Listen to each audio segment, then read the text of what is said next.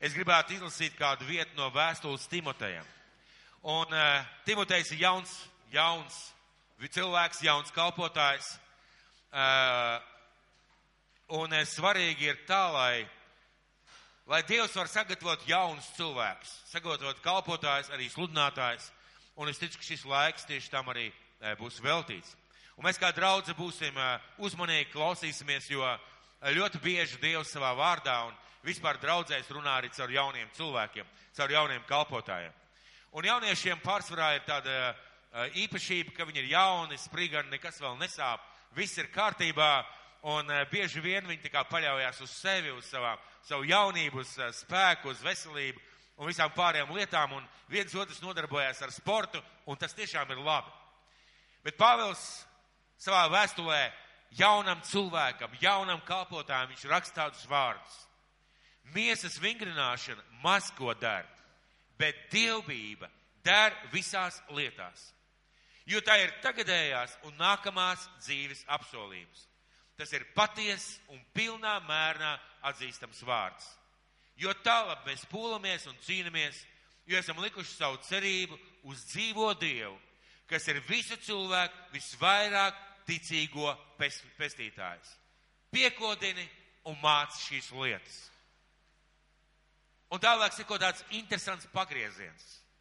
Pāvils vēršās pie paša Timoteja un saka, neviens lai nenecina tavu jaunumu, bet topi tu par paraugu ticīgajiem vārdos un dzīvē, mīlestībā, ticībā, šķīstībā. Tiekams es nāku, sirmais nopietnais sludinātājs Pāvils, tiekams es nāku, nododies lasīšanai, paskubināšanai, mācīšanai. Par to gādā, pie tā paliec, lai tavs briedums būtu redzams visiem. Esi nomodā par sevi pašu un par mācību. Turies pie tā, jo to darīdams tu izglābs ir pats sevi, ir tos, kas klausās tevi. Un paldies Dievam par jauniem cilvēkiem, paldies Dievam par jauniem kalpotājiem. Paldies Dievam par tām dāvanām, ko Dievs ir ielicis viņu dzīvē. Un es ticu, ka šodien būs brīnišķīgs laiks. Nevis vienkārši tāpēc, ka mēs dzirdēsim uh, skaistas runas, bet mēs dzirdēsim vārdu no Dieva. Uh, un uh, kā nākušies lūkšu Kristapu, lūdzu, Kristap nāc padalies ar vārdu. Uh, un lai, lai, lai tas, ko, uh, ko, ar ko Kristaps dalīsies, lai tas ir arī priekš mums kā stiprinājums. Paldies! Sveiki, draugi! Atcerieties, kā mācās, ko teica, ka mēs jauni un nekas nesāp un uh, viss ir forši. Nu, man ir tā paveicies, ka man ir, man sāp kakls, tāpēc, ja es skatos jums šitā ten, tas ir tāpēc, ka es vienkārši pagriezt kaklu nevaru. Nu ko, uh, tā ir milzīga privileģija šeit priekšā būt un tā, protams, ir arī atbildība. Es centīšos runāt uh, lēņām, bet ja es sāku runāt par ātru, parādēt šitā, es sapratīšu, ka man bišķiņ jāno, jānobremzē. Uh, nu, es pagājušajā arī šādā pašā dievkalpojumā dalījos pirms uh, kaut apmēram gada. Un tur es stāstīju, tas vārds man bija par to, ka mēs izbaudam dzīvi vai redzam dzīvi, kā priecājamies vai bēdājamies no tā, ka mums ir iespējas salīdzināt. Ka mēs varam izbaudīt brīžus, kad ir ļoti labi, ja ir bijis ļoti slikti, un arī otrādi, ka mēs saprotam, okay, ka tagad ir slikti, ja ir bijis labi. Un ka tas var veidot to dzīvi tādu interesantu. Um, šoreiz es gribu padalīties ar uh, citu stāstu, es gribu padalīties ar, ar uh, vārdu, kurš saucas uh, pasaule es ir ļoti maza pasaule. Un tad, jā, es sākšu ar stāstu. Tas bija 17. novembra vakars, kad es biju iekāpis nepreizā autobusā, lai brauktu no savām vecajām mājām uz jaunajām mājām, attapos centrā un bija jābrauc mājās no centra tramvaju. Un tas bija 17. novembra vakars. Es aizēju uz 11. novembra krastmalu, iekāpu tramvajā un tad gaidu, ka mēs sāksim kustēties. Un tad mēs nesākam kustētos, jo, jo izrādās ir militārās parādes izmēģinājums. Nu, tas jau tā pat esmu aizšāvis pilnīgi nepareizi. Ar, tram, ar autobusu aizbraucis, jau divas stundas vienkārši viznājies pa, pa pilsētu, un tagad vēl bišķiņ jāpagaida. Nu labi, nu es stāvu tajā iekšā tajā tramvajā, viņš nekustās, ielieku austiņas, gaidu, klausos lekciju, un tur vienkārši tāpat arī savā mazajā pasaulītē dzīvoju. Un tad vienā brīdī man tā piepliķē pie pleca, es izņemu austiņu, pagriežos, tu nevari palaist bērnu. Un es uh, paskatos, lai, jā, izrādās tur viens mazais uh, autobus, tramvajs ir pilnīgi pilns, ar cilvēkiem, un mazais met jau trešo apli pa pilnīgi pilnu autobusu, un es neesmu pamanījis, ka viņš grib man tik garām. Nu, un tā viņa māma tā kā, hei, palaid bērnu, un man uzreiz tāds bāts. Nu kā, es taču, kā es varēju zināt, ka tur ir bērns, vai tad tu neredzi, ka man ir austiņas? Uh, es tā, protams, neteicu, bet padomāju. Un tajā brīdī Dievs uz maniem bišķi tā runāja, kad, a, nu, tā bieži vien ir, ka mēs dzīvojam tajā mūsu mazajā pasaulītē, kad es taču klausos savas austiņas, un kā viņa neredz, kad man ir austiņas, kad iespējams viņa man trīsreiz pirms tam bija teikusi, lai es lūdzu palaižu viņas mazo, ko es nebiju dzirdējis, nezinu. Bet, uh, un tajā pašā laikā es paskatos, ok, bet īstenībā jau viņai arī, viņai tur ir ratiņi, tur kaut kāds viens mazais niķojas, otrs mazais drasē pa pilno tramvaju, tur droši vien jāskatās, lai nepazūda neizkāp pats kaut krārā, nedodās tālāk. Uh, Un arī viņi ir tajā savā mazajā pasaulītē. Viņi arī noteikti nepamanā, ka es ne jau ļauni to mazo negribēju laist garām. Un tas man lika tā riktīgi padomāt, ka tā ir baigi bieži. Un šī tēma man jau ļoti sen ir uz, tā kā veselu mēnesi velkās līdzi par tām mūsu mazajām, mūsu pasauli, kurā mēs dzīvojam. Tas bija tāds ievads, lai es varētu virzīties tālāk. Nu, tad es lūkšu pirmo slaidu uzlikt par to mūsu mazo pasaulīti. Un tā ir tā pasaulīte es un tagad ja tas viss slaids, tā, tā ir mūsu dzīve, un tad ir tāds mazs, mazs punktiņš, es un tagad.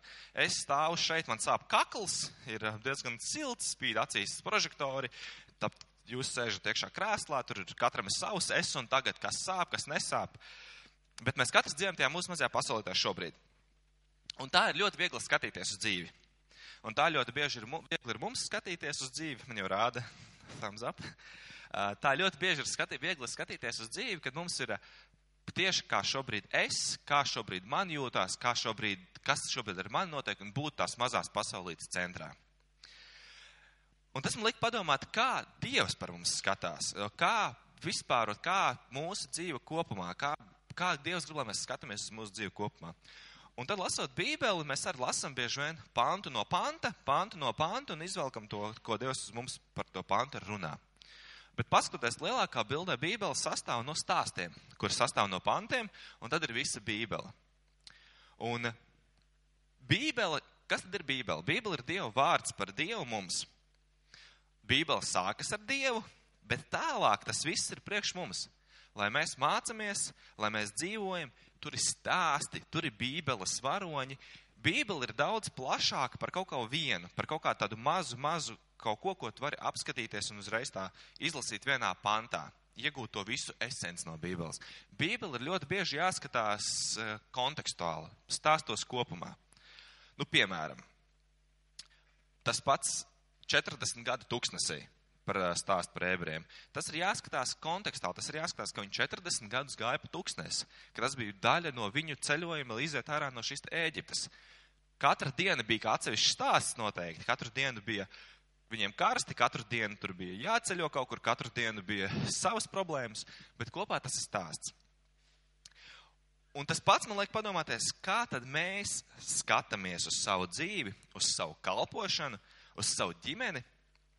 Mēs skatāmies no tās savas perspektīvas, kā es jūtos šobrīd, kā man šobrīd tagad ir.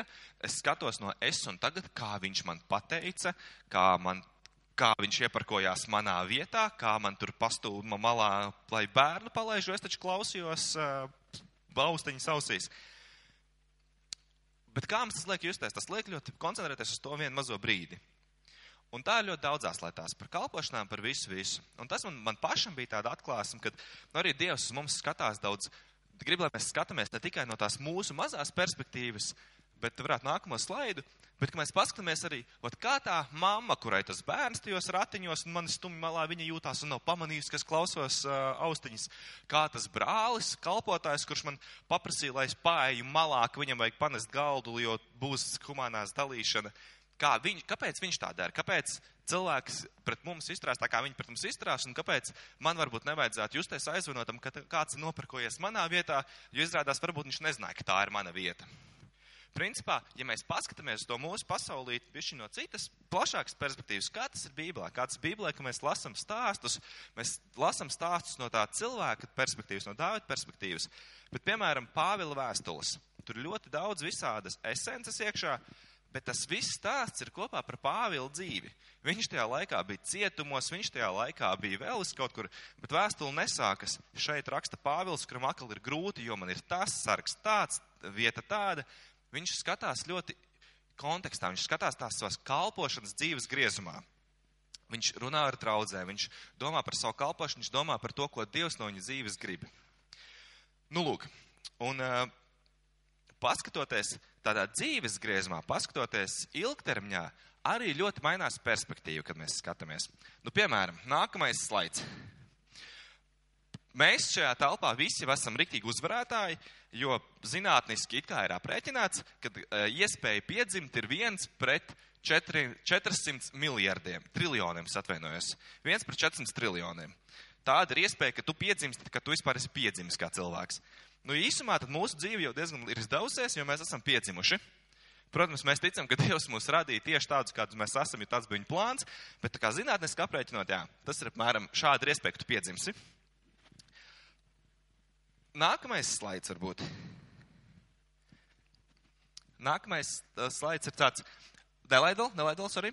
Uh, nākamais slaids, ko es gribēju pastāstīt par to, ka, ja mēs skatāmies uz to mūsu mazo mirkli, kurā mēs esam, uz to mazo vietiņu, kurā mēs šobrīd dzīvojam, no savas mazās perspektīvas, nevis, nevis plašāk, nevis bišķiņi, kā, ko Dievs par mūsu dzīvi domā, kā citiem cilvēkiem, ko Dievs par citiem cilvēkiem domā šajā vietā, ko Dievs no manis grib, lai es, kā es kalpoju, lai kā es runāju ar citiem cilvēkiem. Ir ļoti viegli palaist garām lielo bildi.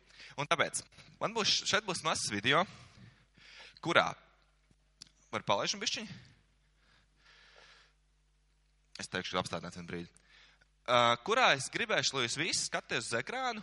This is an awareness Pagaidiet, bišķi klusāk. Pagaidiet, bišķi klusāk. Kurā es gribētu, lai jūs skaties uz šo ekrānu, the bišķiņu. Un jāizskaita, cik piespēles veiks Baltās komandas spēlētāji. Tie četri cilvēki, kas stāv Baltijos kraklos, cik piespēles viņi desmit sekundžu laikā apmēram veiks kopumā. Visi saprat uzdevumu. Ir jāiz, jāizskaita, cik piespēles veiks Baltās komandas spēlētāji. Laižam.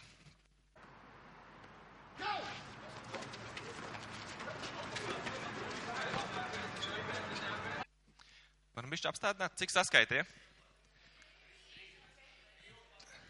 12, 13, 14, 10, 15. Labi, palaižam tālāk.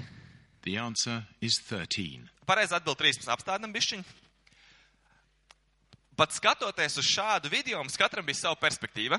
Mēs katrs kaut ko saskaitījām par piespēli. Vienam bija 14, vienam bija 11. Mēs jau pat vienā video redzējām katrs citu atbildi.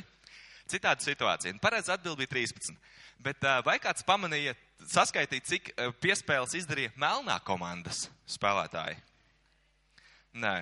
Jo tāpēc, ka mēs bijām ļoti koncentrējušies to, kā, uz to savu uzdevumu, izdzīvot šo te manu mazo dienu, kā man šobrīd ir, ka es šobrīd stāvu auto tramvajā. Če, uh, melnās komandas spēlētājs es arī nesaskaitīju cik, bet vai kāds pamanīja dejojošo lāci? Viens cilvēks pamanīja, varam palaist tālāk vēlreiz video. But did you see the moonwalking bear?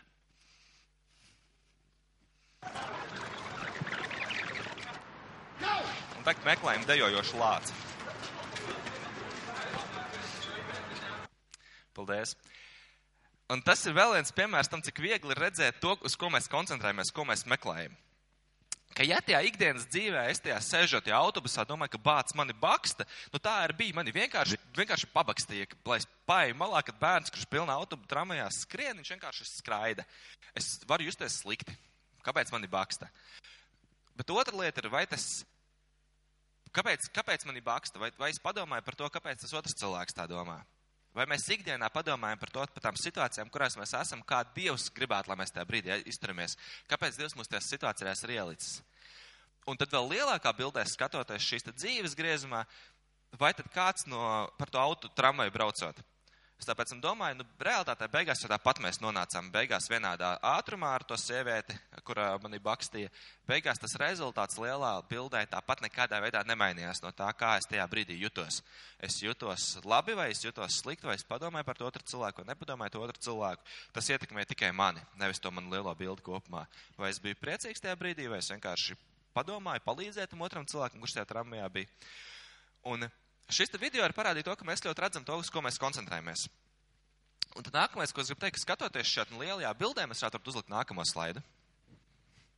Ka tajā lielajā bildē skatoties, nu, dzīve ir augšā lejā, augšā lejā. Dievs mums ir paredzējis kādu lielāku bildes, kur mēs ejam. Un ja mēs skatāmies ilgtermiņā, ja mēs skatāmies uz to, kā Dievs redz mūsu dzīvi ilgtermiņā, domājam par to, ko Dievs no manis grib, lai, lai kā es viņam kalpoju, lai ko es izdaru savu dzīvi, ir, ļo, ir daudz vienkāršāk neredzēt ikdienas mazās mūsu kādas problēmas vai kādas situācijas, nelikt sevi visas pasaules centrā, visas savas dzīves centrā, bet skatīties lielākā griezumā. Vai tas, kas mums notiek ikdienā, vai tas kaut kādā veidā veicina manu dzīvi, vai tas veicina manu kristētību, vai tas veicina man to, ka es pastāstu citiem par Dievu, vai tas veicina par to, ka es kalpoju, kad es esmu atbalsts savai ģimenei. Bet ir viens ļoti svarīgs priekšnosacījums šam. Ir ļoti svarīgs priekšnosacījums, lai mūsu dzīves arī būtu, kā mēs lasām par Pāvilu. Viņam bija reāli grūta dzīve. Kopumā viņam bija grūta dzīve. Viņš uh, kopš sāka kalpot, visu laiku metā cietumos, viņš bija spaidos, viņam, bet viņam bija arī priecīgi brīži. Bet viņš koncentrējās uz to misiju, kas viņam ir dota, un no tā viņš guva prieku. Viņš guva prieku no tā, ka jā, viņš šobrīd ir cietumā, bet draudzi, kur viņš ir iesācis savu, ka viņš var to draudzi pamācīt, ka viņš var rakstīt vēstulē, domāt, kā tai draudzē tālāk attīstīties, ko Dievs no tās draudzes grib. Jo viņš koncentrējās nevis uz sevi tajā situācijā, viņš koncentrējās nevis tikai uz to brīdi, viņš koncentrējās uz, lielu, uz lielāku bildi, un viņam bija mērķis. Viņam bija mērķis šo lielo bildi, šo dzīves skrējienu, kā viņš pēc tam tālāk raksta, un te es runāju varbūt tieši par, to pateikšu, kur vietiņu. Var skot, Pāvila vēstule romiešiem 14. nodaļa. Visa Pāvila vēsture romiešiem 14. nodaļa, kā piemērs, kur no sākuma viņš stāsta, ka viņš ir cietumā, pēc tam viņš dod pamācības, pēc tam viņš pasaka, ka viņš priecājas par to un to cilvēku. Jo Pāvils skatījās dzīves griezumā. Pāvils skatījās, lai viņš beigās nonāktu debesīs, lai viņš izpildītu to savu misiju, ko Dievs viņam ir devis. Un tas viņam palīdzēja nekoncentrēties uz to brīdi, bēdām tajā brīdī, bet uz to nākotni. Un kā viņš arī, viņš nonāk jaunā vietā, viņš zināja, ka viņš brauc tā uz Romu Pāvils, ka tika apcietināts. Bet viņš katrā vietā atrada sev izdevības. Viņš katrā vietā no savas perspektīvas redzēja kaut kādu jaunu iespēju. Viņu aizved uz kādu ostu, kur viņam bija jāpiestāj. Viņš devās ielās, sludināja, veidoja jaunas draudzes. Un tā veidā, tādā veidā izplatīja šo dievu zvēsti plašāk. Un tad tā nākamā tēze, ko es gribu pateikt, ir, ka arī mums ir ļoti jādomā par dzīvi un par situācijām, kurās mēs esam no tādas pozitīvas perspektīvas ka šī ir pirmā manas atlikušās dzīves diena. Var sakot, ka tas, kā es šo dzīvi nodzīvošu, ka tās iespējas, ko Dievs man šobrīd ir devis, ka tas, vai man kaut kas ir nav izdevies un jāsāk pilnīgi no sākuma, vai kaut ko man tieši ir izdevies, vai vienkārši jauna diena, kurās var atpūsties, vai ir jāiet uz darbu, ka tā katra diena ir jauna iespēja. Mēs nezinām, kā tā diena, kurā mēs šodien esam, izskatīsies dzīves griezumā, Bet, protams, mūsu atbildība un mūsu rokās ir pašiem veidot to dienu. Pašiem veidot to dienu, domājot, kā es šo dienu varu pavadīt labāk priekš sevis, kā šo dienu varu padarīt labāk priekš citiem, un ko Dievs no manis šajā dienā grib, lai es izdaru.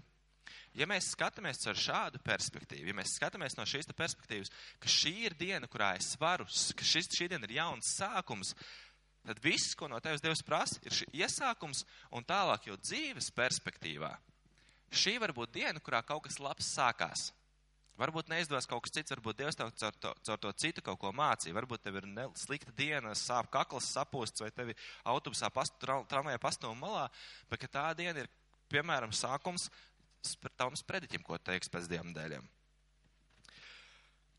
Jā, un tad nākamais slaids, ko es gribēju uz, lai uzliekam virsū, kad patiesībā tajā dzīves griezumā, tas brīdis, kurā esmu es, un es tā optimistiski esmu ielicis šodien pašā sākumā, bet kad dzīves griezumā jau mēs zinām, ka dzīve iesākās ar ļoti uz labas nots, ka mēs piedzimām, tad ir dzīve, kur mēs dzīvojam, kur mēs varam veidot labu priekš sevis un priekš citiem un dzīvot kopā ar Dievu, un tad mēs zinām, ka beigās tāpat viss būs labi mūsu gadījumā.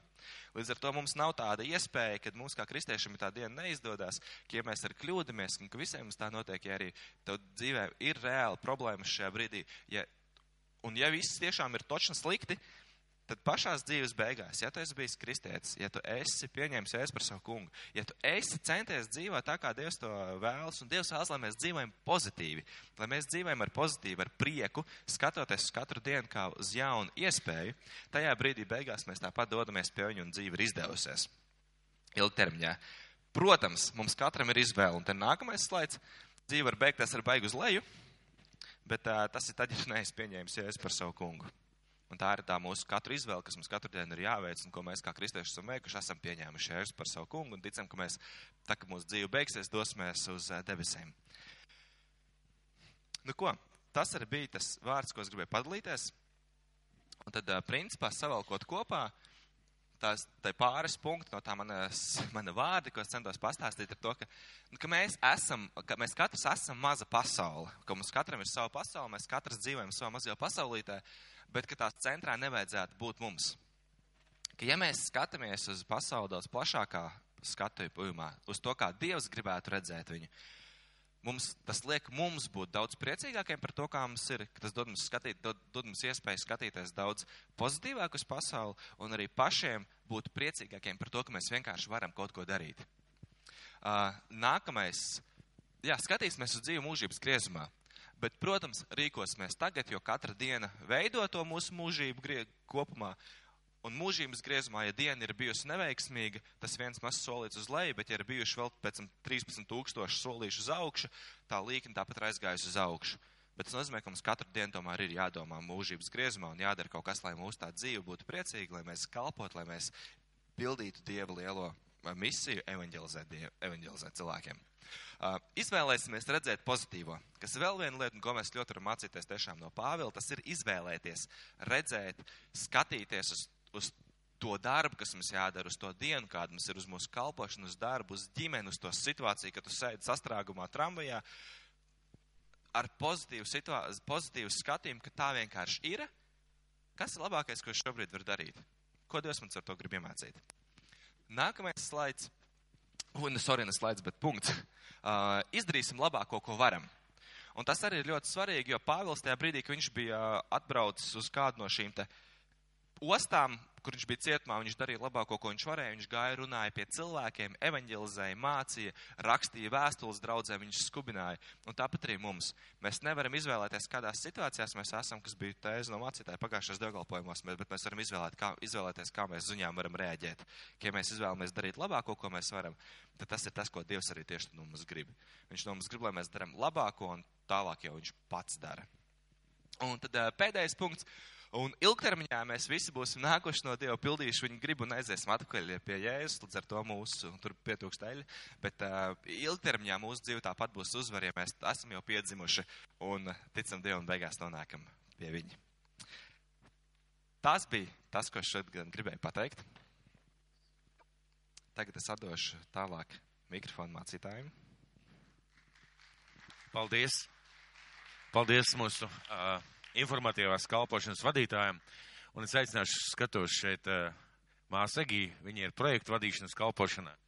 Uh, viņa noteikti mūs vadīs tādā divu projektā. Labrīt, draudz! Īsnībā es tiešām ļoti priecājos, ka es varu šeit būt, jo tā ir Dieva žēlstība, ka Viņš runā uz mums, ka Svētais Gars tiešām mums atklāja savu vārdu. Un uh, es priecājos tiešām, ka es varēšu padalīties ar jums. Un uh, Es gribu eh, runāt par eh, no Salmana pamācības 31. nodaļu, no 10. līdz 30. pantam. Un īsnībā tur iet eh, runa par likumīgu sievu.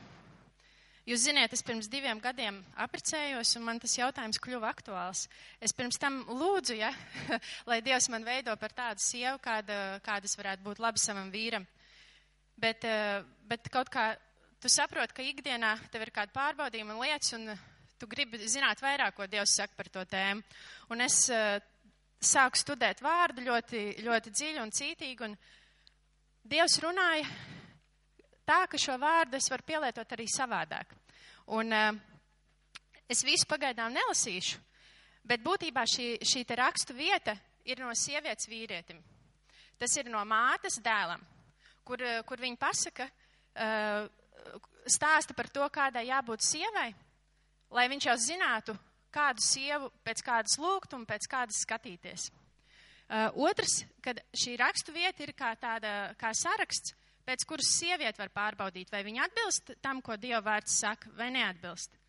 Un trešais, tas ir arī vīriešiem, brāļiem, draudzē, jo viņi var pastīties, vai viņi vispār ir cienīgi saņemt šādu likumīgu sievu, vai viņi atbilst Dieva vārdam arī no viņa perspektīvas, vai viņi var vispār pretendēt uz kādu no māsām, uz kuru varbūt viņi ir uzmetuši aci, ja?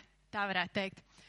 Un, um, bet ne, ne par to es gribu teikt, bet tas ir vienkārši, lai, lai tā kā ievadā. Un um, būtībā šī, šī, šī runa tāda par līgavu. Un Dieva vārds saka, uh, tātad Mateja evaņģēlijas 9. nodaļa 15. pants. Mēs zinām, ka draudz ir kā līgava. Un šajā, šo, šodien es gribu skatīties uz šo vārdu, ko Dievs mums saka kā draudzējs caur šo, caur šo rakstu vietu. Kā draudzē, kā uz katru vienu individuāli. Un uh, tātad Mateja evaņģēlijas 9. nodaļa 15. pants. Un Jēzus tiem sacīja, vai kāzu ļaudis var bēdāties, kamēr līgavains pie viņiem? Bet nāks dienas, kad viņiem atņems līgavaini, tad tie gavēs. Tātad te ir pateikts, kad, kad Jēzus ir mūsu līgavains. Tāpat atklāsmes grāmatā 19. nodaļa, 17. pants. Priecāsimies, gavilēsim un dosim viņam godu, jo atnākušas jēra kāzas un viņa līgava sataisījusies. Tātad draudz ir gatava, jērs ir Jēzus un, eh, un tātad ir atnākušas šīs te kāzas. Un uh, interesanti ir tas, ka šī rakstu vieta Salmana pamācības no, desmitās, no desmitā panta līdz beigām ir sakārtotas ebreju valodā alfabēta secībā. Un īsnībā tas ir domāts, tas ir tāpēc, lai tas cilvēks, kurš to izlasa, viņš varētu iegaumēt tā kā pēc alfabēta. Tā kā angliski, ja ir tās dziesmiņas ABCD, un tad tur katrs kaut kāds tas vārds, tā rakstvieta. Un tāpat ir sakārtot arī diezgan daudz psalmi ebreju valodā. Un tātad tas ir rakstīts poētiski, lai tas cilvēks, lai tas dēls, lai viņš izlasa un viņš tā kā var to viegli iegaumēt. Tātad tas ir ļoti svarīgi, lai viņš to atcerās. Un par karalu Lemuelu Bībelē īsti nekur nav rakstīts, bet tad, nu, viņš nav tā kā nevienā sarakstā no šiem jūdu vai Izraēla karaļi, nu, karaļiem. Kā, bet iespējams viņš bija pagānu karalis un viņš uzticējās Dievam un caur šo bijību pret Dievu viņš iemantoja gudrību. Un interesanti, ka vārds Lemuēls nozīmē piedarība Dievam. Un uh, es uh, atradu arī informāciju tādu, ka uh, pastāv uzskats, ka šis te uh, Lemuēls īstenībā ir pats Salamans un ka uh, tā māte ir tad viņa, viņa māte Batseba. Un tad uh, tagad sāksim ar desmito pantu. Un uh, desmitajā pantā ir rakstīts, kam piešķirta augsta likumīga sieva, tas lai apzinās, ka viņa ir cildenāka nekā visdārgākā pērle es uh, atvēru šīs uh, nu, skaidrojošās vārnīcas, ko katrs vārds nozīmē. Un uh, vārds likumīgs. Tātad likumīgs vispār nozīmē tāds, kuram ir vai kurš parāda augstus morāls standartus, atturās no netikuma, ir taisns. Tas ir tikai viens skaidrojums. Otrs skaidrojums, ja runā attiecībā par sievieti, ja runā attiecībā par līgavu, tad tas ir šķīsts. Un otrajā korintiešiem 11. nodaļa, otrais pants, uh, arī rakstīts, jo es esmu iededzies par jums ar dievišķu karstumu. Es jūs esmu sadarinājis, lai jūs pievestu vienam vīram kristumu, kā šķīstu jaunavu. Tātad Dievs no mums sagaida, ka mēs kā draudzi, kā Kristus līgavu, ka mēs esam šķīsti. Un šo te vārdu šķīsts attiecina gan uz neprecētiem cilvēkiem, ne tikai uz sievieti. Tātad tās nav seksuālas attiecības pirms laulībām, ir neaptraipīti, un, uh, ir neaptraipīti šie cilvēki. Attiecināms arī uz precētiem pāriem, tas nozīmē uzticību laulībā, un arī tas nozīmē brīvs no jebkādas neķītrības, no pornogrāfijas, no sevis apmierināšanas, un uh, būtībā uh, ir arī teikts 1. pētera 3. nodaļā, jūs varat paši izlasīt, izlasīt, kas par to ir teikts, par šo šķīsto runu, tas attiecās arī uz to, kā mēs runājam, ka mums jābūt ir tīriem, īstiem, patiesiem, bez barbarīgiem vārdiem, bez frāzēm. Un uh, interesanti ir arī tas, kāpēc šo rakstu vietu var attiecināt arī uz brāļiem, ne tikai uz māsām. Tāpēc, ka likumīga sieva, uh, tas ir ebreju valodā šī frāze, ir lietota tajās pašās rakstu vietās, kur iet runa par brāļiem. Un tā, tas ir, tūlīt pateikšu, kurās vietās.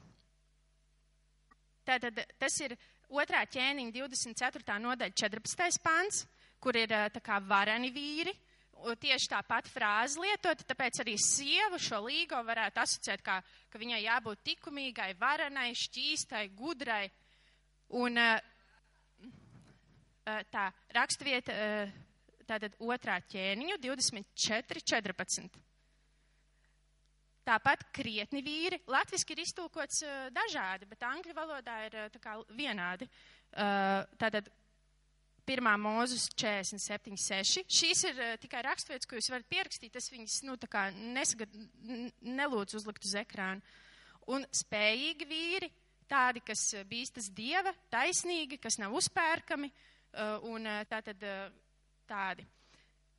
Bet eh, tātad, kas vispār tad ir tā likumīgā draudz, likumīgā līgava? Ja mēs paskatāmies eh, pirmkārt eh, no Salamana, no Salamana pamācībām, tad patiesībā šajā rakstvietā arī, ir teikts, ka likumīga sieva tā ir dārgāka par pērlēm. Latviski ir tūkots pērles, bet angļu valodā ir rubīns. Un dažās vietās ir arī koraļi. Un uh, man ļoti patīk tomēr, kad ir rubīns. Jo īstenībā rubīns ir ļoti rets un dārgs. Uh, dārgakmens var parādīt to pirmo slaidu. Tātad uh, tāds izskatās rubīns. Un rubīna, šo te rubīnu bija grūti, grūti atrast. Būtībā Tas nozīmē, ka tas ir ļoti augsts standarts draudzē patiesībā. Ka tas nav nemaz tik vienkārši izpildīt to, kas šeit ir teikts. Un tad, tātad uh, rubīns ir košs sarkans, viņš var būt caurspīdīgs, kā kristāls. Tad rubīns sarkano krāsu nosaka hroma piejaukumi. Rubīns dabā ir ļoti reti sastopams, taču mūsdienās tiek ražots salīdzinoši lēts mākslīgais rubīns mūsdienās arī mēs varam dažreiz izskatīties salīdzinoši lēti un mēģināt iz, eh, kā ārēji izskatīties tādi, kādi mēs neesam, bet patiesībā, kas ir mūsu sirdīs. Nu, lūk, eh, par gudrību runājot. Es eh, tiešām iedziļinājos šajā vārdā un es sapratu, ka patiesībā šī te rakstu vieta ir arī par to, ka mums kā draudzē jābūt gudrai. Jo tā kā Rubīns šeit ir uh, minēts tā kā uz sievu attiecībā, bet Salmana pamācībās ir divas rakstu vietas, kur ir uh, pieminēts, ka gudrība ir dārgāka par Rubīnu. Tas nozīmē, ka sieva ir gudra, jo viņa ir dārgāka par Rubīnu, viņai jābūt gudrai. Un arī draudze tad attiecīgi, viņai jābūt ir, tā kā gudrai, viņa ir gudra. Un tā ir Salmana pamācības trešā nodaļa 15. pants. Būtībā no 15. līdz 18. var lasīt. Es izlasīšu visu to. Labi tam cilvēkam, kas atrod gudrību, un cilvēkam, kas dabū sev skaidru prātu, jo ir labāk iegūt gudrību nekā sudrabu, un tās augļi ir vērtīgāki par zeltu. Tā ir cildenāka par pērlēm, latviski pērlēm, angliski rubīnu, un viss, ko tu varētu vēlēties, nav salīdzināms ar to. Ilgs mūžs ir pie tās labās rokas, pie kreisās rokas tā ir bagātība un gods.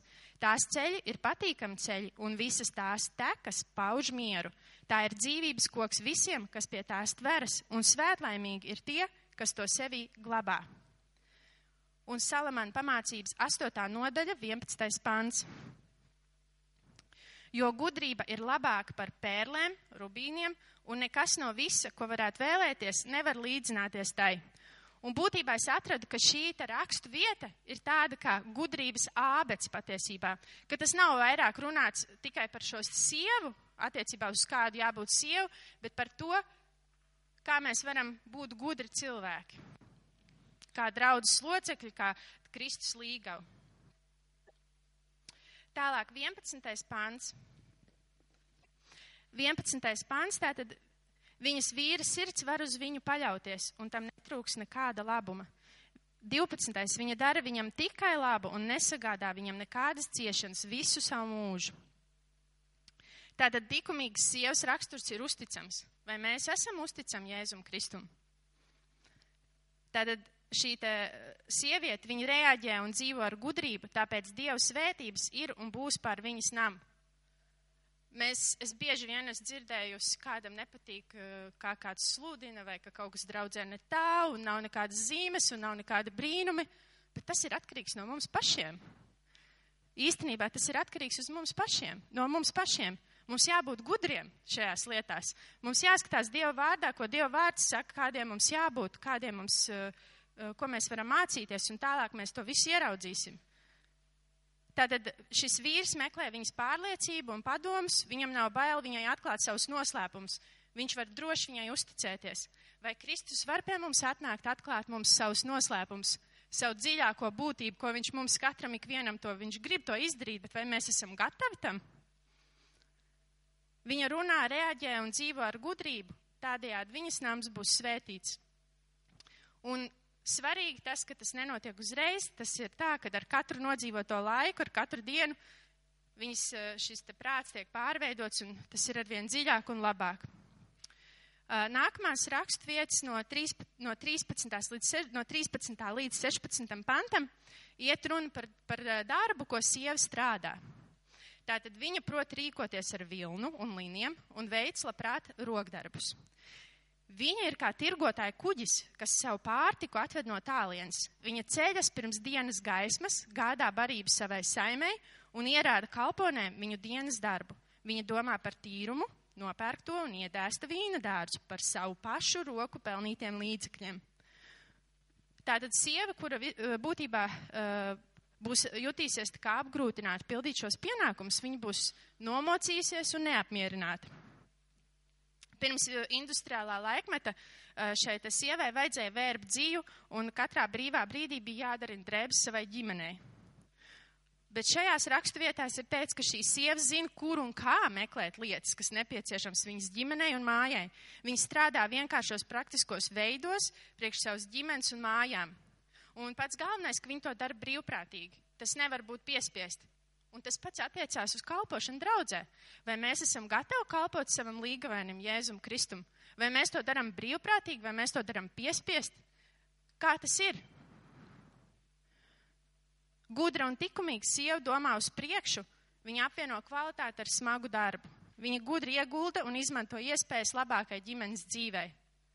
Mums ir jāredz arī, kā mēs ar saviem talantiem varam ieguldīt arī mūsu draudzē, kā mēs varam ieguldīt tajā, vietā, kur mēs esam. Un uh, tirgotāji kuģi, tas nozīmē, ka viņi pastāvīgi nodrošina pārpilnību. Vai mēs esam uzticami ar savām desmitajām tiesām? Tas ir labs jautājums mums katram. Ja runa iet par vīna dārzu, tas nozīmē, ka viņi domā uz priekšu, un uh, vīna dārza iedēstīšana īstenībā ir ļoti smags darbs. Ja mēs paskatāmies Iesais piekto nodaļu otro pantu, tur ir rakstīts, viņš to apraka, iztīrīja no akmeņiem un apstādīja ar labiem vīna koku stādiem. Tātad tas ir ļoti smags darbs sievietei - iztīrīt lauku no akmeņiem, aprakt, iestādīt šos stādus. Bet tas ir tas, ko Dieva vārds mums saka, ka Dievs grib, lai mēs to darām. Un būtībā šeit arī parādās tas, ka viņa uh, neaprobežojas tikai ar pamat vajadzībām, Jo vīnogs uh, varēja audzēt un šīs uh, varēja lietot gan medicīnai, uh, gan arī citām lietām. Nākamais, uh, nākamās rakstu vietas iet par runa par viņas spēku un viņas līdzjūtību. Tātad viņa 17. pants, viņa apjož savus gurnus ar spēku un dara stipras savas rokas. Tātad apjož tas nozīmē ar jostu, Tātad apjost kaut ko, tā ir josta. Un apjost savus gurnus nozīmē stiprināt savu vidukli, un tas nozīmē sagatavoties varonīgai un grūtai rīcībai. Un šādas te rīcības eh, Bībelē ir ļoti daudzās vietās aprakstīts. Piemēram, pirmā ķēniņu 1846 ir rakstīts, un tā kunga roka nāca pār Elī. Viņš apjoza savus gurnus un skrēja Ahabam pa priekšu līdz Jezreēlas pievārtē. Tātad skriešanai. Otrā ķēniņa 429. Un viņš pavēlēja Gehazim, apjos savus gurnus un ņem manu zīzli savā rokā un dodies ceļā. Ja tu kādu sastopi, tad nesveicini to, un ja tevi kāds sveicinās, tad neatbildi tam un noliec manu zīzli uz zēna sejas, arī skriešanai. Tāpat iziešanai no Ēģiptes.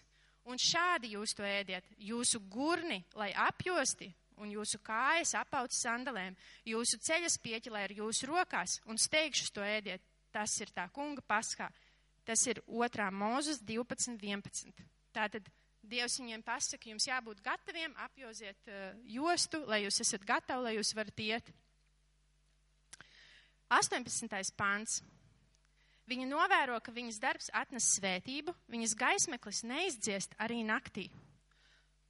Ļoti svarīgi, ko mums simbolizē gaismeklis, uh, eļas lampiņa, eļa, svēto garu. Iedomājieties, cik daudz eļas viņai vajadzēja sagādāt, lai viņas šis eļas trauciņš degtu visu nakti. Tā ir liela gudrība, kā nopelnīt šo naudu, lai viņi var iegādāties šo eļu. Būtībā tas simbolizē mūsu attiecības ar Jēzu. Un tāpat ir raksturvieta Mateja 25. nodaļa no 1 līdz 13. pantam par šīm te desmit jaunavām, kuras jūs varat izlasīt.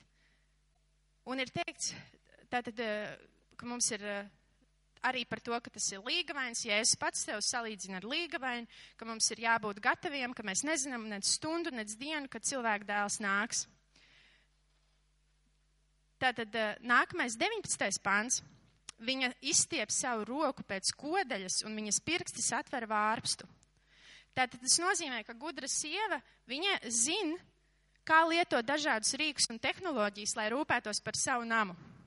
Uh, ratiņš un vārpsti ir vissanākie instrumenti, lai vērtu šo te uh, vērpšanai un arī, lai vērtu diegu.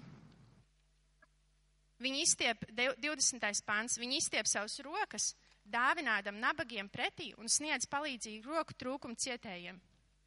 Tātad viņa prot parūpēties par savu namu, un viņi ir gatavi dot arī citiem.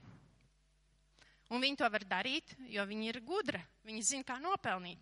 Tāpat arī mēs, katrs ik viens, vai mēs esam gatavs no tā, kas ir mūsu, atdot kādu daļu tiem, kuriem tiešām tas ir vajadzīgs, kuriem ir vajadzība. Un nākamās, nākamie panti no 21. līdz 23. šeit runa iet par Dievu svētību. Viņi nebaidās tā Viņa nebaidās savu nama dēļ sniega, jo visai viņas saimē ir divējādas drēbes. Latvijasiski ir divējādas drēbes, bet angliski ir skārlet. Un būtībā šis te nozīmē tā kā dubultais sarkanais, var nākamo to slaidu uzlikt, uh, dieks, tātad siltas drēbes. No šāda te viņa uh, dubultā āda uh, taisa savu, savu, uh, savai ģimenei drēbes, uh, lai viņai tā kā nebūtu lai viņi būtu ietērpti, lai viņiem nebūtu augsts. Un interesanti ir tas, ka šeit runiet par Jēzu Kristu. Halleluja! Tāpēc, ka šeit, ko simbolizē sarkanā krāsa, skarlet, šī angļu valodā šī sarkanā krāsa, tas nozīmē Dieva jēra izlietās asins, to, ka Jēzus Kristus nomira par mūsu grēkiem. Un tas ir ļoti augstas kvalitātes diegs. Un šeit mēs varam atvērt mūzus. Būtībā es esmu aizmirsis pierakstīt šo rakstvietu, bet es nolasīšu. Jo, kad Mozus visai tautai bija pateicis visas pavēles saskaņā ar bauslību, viņš ņēma teļu un āžu asinis ar ūdeni un sarkanu vilnu un īzapu un apslacīja pašu grāmatu un visu tautu sacīdams. Šīs ir tās derības asinis, ko Dievs ar jums ir noslēdzis. Bet arī telti un visus rīkus kalpošanai viņš tāpat apslacīja ar asinīm un gandrīz viss tiek šķīstīts asinīs saskaņā ar bauslību, un bez asins izliešanas nav piedošanas. Šeit runiet par Jēzu Kristu. Tāpat, ja mēs skatāmies, eh, kur eh, šie divi spiegi uh, Jozua grāmatā, otrā nodaļa, 18. 19. pants, kur Rahā tā jā, ra, ra, ra, Rahāba, man liekas, bija viņai vārds, jā, uh, piesēja šo te sarkano virvi, lai, vai kā, kāds latviski ir pie loga, lai, un izlaid zemē. Tas arī nozīmē garīgi simboliski tā kā uh, šīs te Jēzus Kristus asins, kas izglāb šos divus spiegus. Tas pats attiecās arī uz uh, šo te, kad, kad izgāja no Ēģiptes izrēlieši, ja, tad viņi arī vajadzēja nosmērēt ar asinīm šīs te durvis tenders, lai, lai diev, Dievs zinātu, kurus cilvēks nevajag iznīcināt. Un būtībā šajā te pat, šajā te rakstu vietā tālāk Smalks audekls 22. pantā. Smalks audekls un purpurs ir viņas tērps. Šīs divas, šie divi vārdi. Smalks audekls, eh, tā ir tā kā smalka veļa, un tam arī ir būtībā garīga nozīme, ka uh, ir rakstuvieta tātad uh, Jesēs 61.10, kur ir rakstīts, ka Kristus līgava ir ieģērta pestīšanas drēbēs, un šīs smalkais audeklis ir šīs pestīšanas drēbes. Tātad Jesēs 61.10. Es priecājos lielā priekā par to kungu. Mana dvēsele līksma par manu dievu, jo viņš mani ķēra pestīšanas drēbēs un mani apsedz ar taisnības apsegu kā līgavaini, kas sev uzliek priesteri cepurē līdzīgu galvas rotu un kā līgavu, kas mirdz un lepojas savu aplikto roku, rotu košumā. Tātad tā ir arī pestīšana, pestīšanas drēbes un Kristus līgavu. Un otra raksturvieta, kur tas ir minēts, ir atklāsmes grāmata 19. nodaļa 7. līdz 8. pants. Priecāsimies, gavilēsim un dosim viņam godu, jo atnākušas jēra kāzas un viņa līgavas attaisījusies. Tā ir dots tērties spožā, tīrā audeklā. Proti, audekls ir svēto taisnības darbi. Un šeit arī tā runa iet par to, kādai jābūt šeit līgavai. Un uh, ja tu vēl nepazīsti Jēzu Kristu, tad tev ir tāda iespēja. Tu vari uzvilkt šīs baltās drēbes, un uh, ir arī rakstu vieta, Iesais 1.18. Tad nāciet, turēsim tiesu, saka tas kungs, kaut jūsu grēki būtu sarkani kā asins. Angliski arī tas ir vārds skarlet. Tomēr tie paliks balti kā sniegs. Kaut tie, būtu arī, kaut tie arī būtu kā purpurs, tomēr tie kļūs kā vilna. Un nākamo slaidu var parādīt. Uh, šī ir tā purpura krāsa. Viņu iegūst, uh, viņa bija ļoti grūti dabūt. Viņu varēja iegūt no jūras uh, gliemeža. Un uh, šeit purpura krāsai būtībā ir, uh, viņu ir ļoti grūti kā, dabūt, bet viņai ir vairākas nokrāsas. Tas ir uh, atkarīgs, cik, cik daudz no tā gliemeža kaut ko tur iegūst. Un Interesanti ir tas, ka uh, purpurs īstenībā veidojas no zilās krāsas un sarkanās, attiecīgi kā uh, kādās toņos viņi sajauc. Un uh, ir tāda viena grāmata, kur ir aprakstīts par šīm krāsām arī telts, šajā te sajiešanas telts kontekstā, ko katra krāsa un lieta nozīmē. Un uh, tajā grāmatā ir rakstīts, ka zilā krāsa raksturo Jēzus Kristus šo te dievišķo dabu, jeb debesu raksturu, Un uh, sarkanā krāsa arī attiecinās tā kā uz varas simbolu, bet uh, šī te violetā purpura krāsa, viņas te krāsas radīšanas izdevumu viņai piešķīra lielu prestižu. Tātad tā bija visdārgākā krāsa, kas Bībelē bija zināms san, senajiem izrēliešiem. Tas bija cēlonis vai tā karaliskā dzimšana. Tātad viņas tā kā lietoja vai nu, aug, vai nu teltī priest, restīvi priesteri vilka šādas krāsas drēbes. Tātad Romas imperatori, katoļu bīskapi arī daudzus gadus to valkāja. Šo krāsu purpuru mēs varam arī atrast, ja lasam šo te vecajā derībā par telti. Tika tur aizskari no šīs krāsas bija, arī paklāji, un to valkāja augstais priestars šo krāsu. Tālāk 24. un 25. pants. Tātad rakstīts, viņa darina smalkus svārkus un pārdod tos, viņa pārdod arī pircējiem jostu. Un tas ir ļoti interesanti.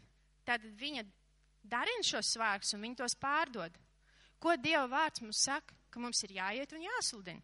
Mateja evaņģēlī 28, Mateja evaņģēlīs 28. nodaļa 18. līdz 20. pants.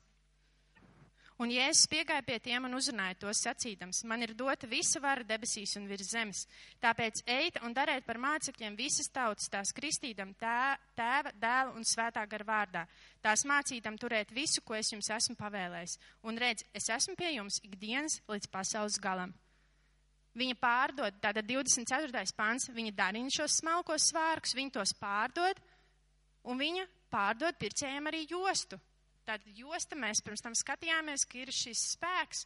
Viņi palīdz arī citiem, viņi palīdz pieaugt garīgi, viņi palīdz, viņi sludina, viņi aicina, lai cilvēks pieņem Jēzu, pastāst viņam par Jēzu. Tā ir tieši lielā pavēle, kas mums kā draudzē ir jādara. Un 25. pāns spēks un skaistums ir viņas ietērs. Viņa pati smaidīdam bez rūpēm raugās austošai dienai pretī. Tātad viņi ir ietērti svētā gara spēkā. Kristus līgau, viņi ir ietērti svētā gara spēkā. Lūkas 24. Lūkas evaņģēlijas 24. nodaļa 49. līdz 53. pāns. Un redzi, es jums sūtu savu tēva apsolījumu, bet palieciet jūs pilsētā, līdz kamēr tiksit apģērti ar spēku no augšienes. Tātad spēks un skaistums ir viņas ietērps. Un viņš tos izved līdz Betānijai un savus rokas pacēls to svētī. Un notika, kad viņš tos svētī, viņš no tiem šķīrās un tapa uzcelts debesīs. Bet tie viņu pielūdz un atgriezās Jeruzalemē ar lielu prieku un bija alaši templī, teica un slavēja dienu. Viņa pati smaidīdam bez rūpēm raugās austošai dienai pretī. Viņa priecājās. Arī mācekļi priecājās. Tālāk no 26. līdz 27. pantam viņas iekšējā dzīve Viņa vēra vaļā savu muti ar gudrību un mīlīgu pamācību ir uz viņas mēls. Viņa novēro, kā klājas viņas namam un neēd savu maizi slinkumā. Un tad uh, es gribētu šo rakstu vietu, tā kā man ļoti uzrunāja tas, ka tas ir tā kā romiešiem 15. nodaļa, kas man arī uh, vienreiz ļoti, ļoti, ļoti uzrunāja par to, kā es gribētu, lai tas ir mūsu draudzē, lai tas ir ikvienā katrā draudzē. Un uh, Tas ir eh, romiešiem 15. nodaļa no 1. līdz 7. pantam. Bet mums, kas esam stipri, pienāks nest to vājības, kas nav tik stipri. Nedzīvojiet par patikšanu sev pašiem.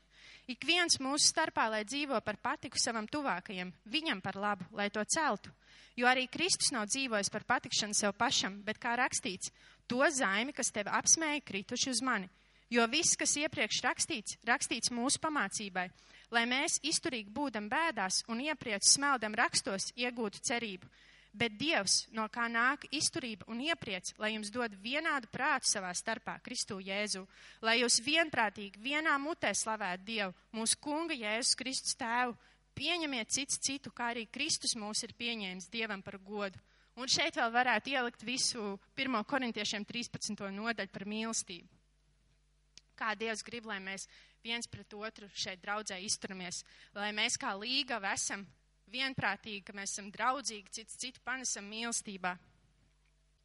Un tālāk, 28. 29. pāns, tātad it kā runa iet par šīs sievas ģimenes publisko dzīvi, kā citi viņu redz.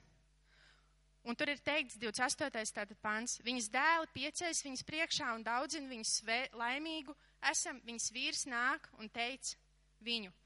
Un angliski uh, vārdu laimīgs vietā ir svētīts. Protams, tās ir līdzīgas nozīmes, bet man kaut kā vairāk uzrunā tas svētīta.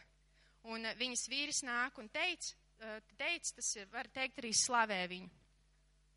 29. pants - daudz meitu un jaunavu dzīvo tiklas un tikušas, bet tu pārspēji viņas visas. It kā tas ir jā, ģimene citu acīs, vīrs un bērni redz un pasaka, cik labi ir šī sieva, mamma, Bet būtībā šī vārda, eh, šī panta tā nozīme ir tāda, ka tikai tad, kad mēs esam vienprātīgi, kad mēs esam attiecībās ar Jēzu Kristu, kad mūsos ir šī mīlestība, tad eh, būtībā tad no mums nāk šīs zīmes un brīnumi no mūsu draudzes, kā no Kristus līgaus. Un tad citi redz, jā, tur ir Dievs, tur ir Dieva mīlestība, tur ir Dieva spēks, tur Dievs darbojās. Un 30. un 31. pants Daļums viļ un skaistums paiet. Sieva, kas to kungu bīstas, ir jāteic un jādaudzina. Viņu daudzinās viņas roku darba augļi, un viņas darbi viņu teiks un slavēs vārtu laukuma sanāksmēs. Tātad viņai ir attiecības ar Dievu, viņa, viņai, viņa ir bijīga, tātad šī līga, šī draudze, un viņa tiks atalgota. Un kāds tad ir šis atalgojums? Filipiešiem 3.14.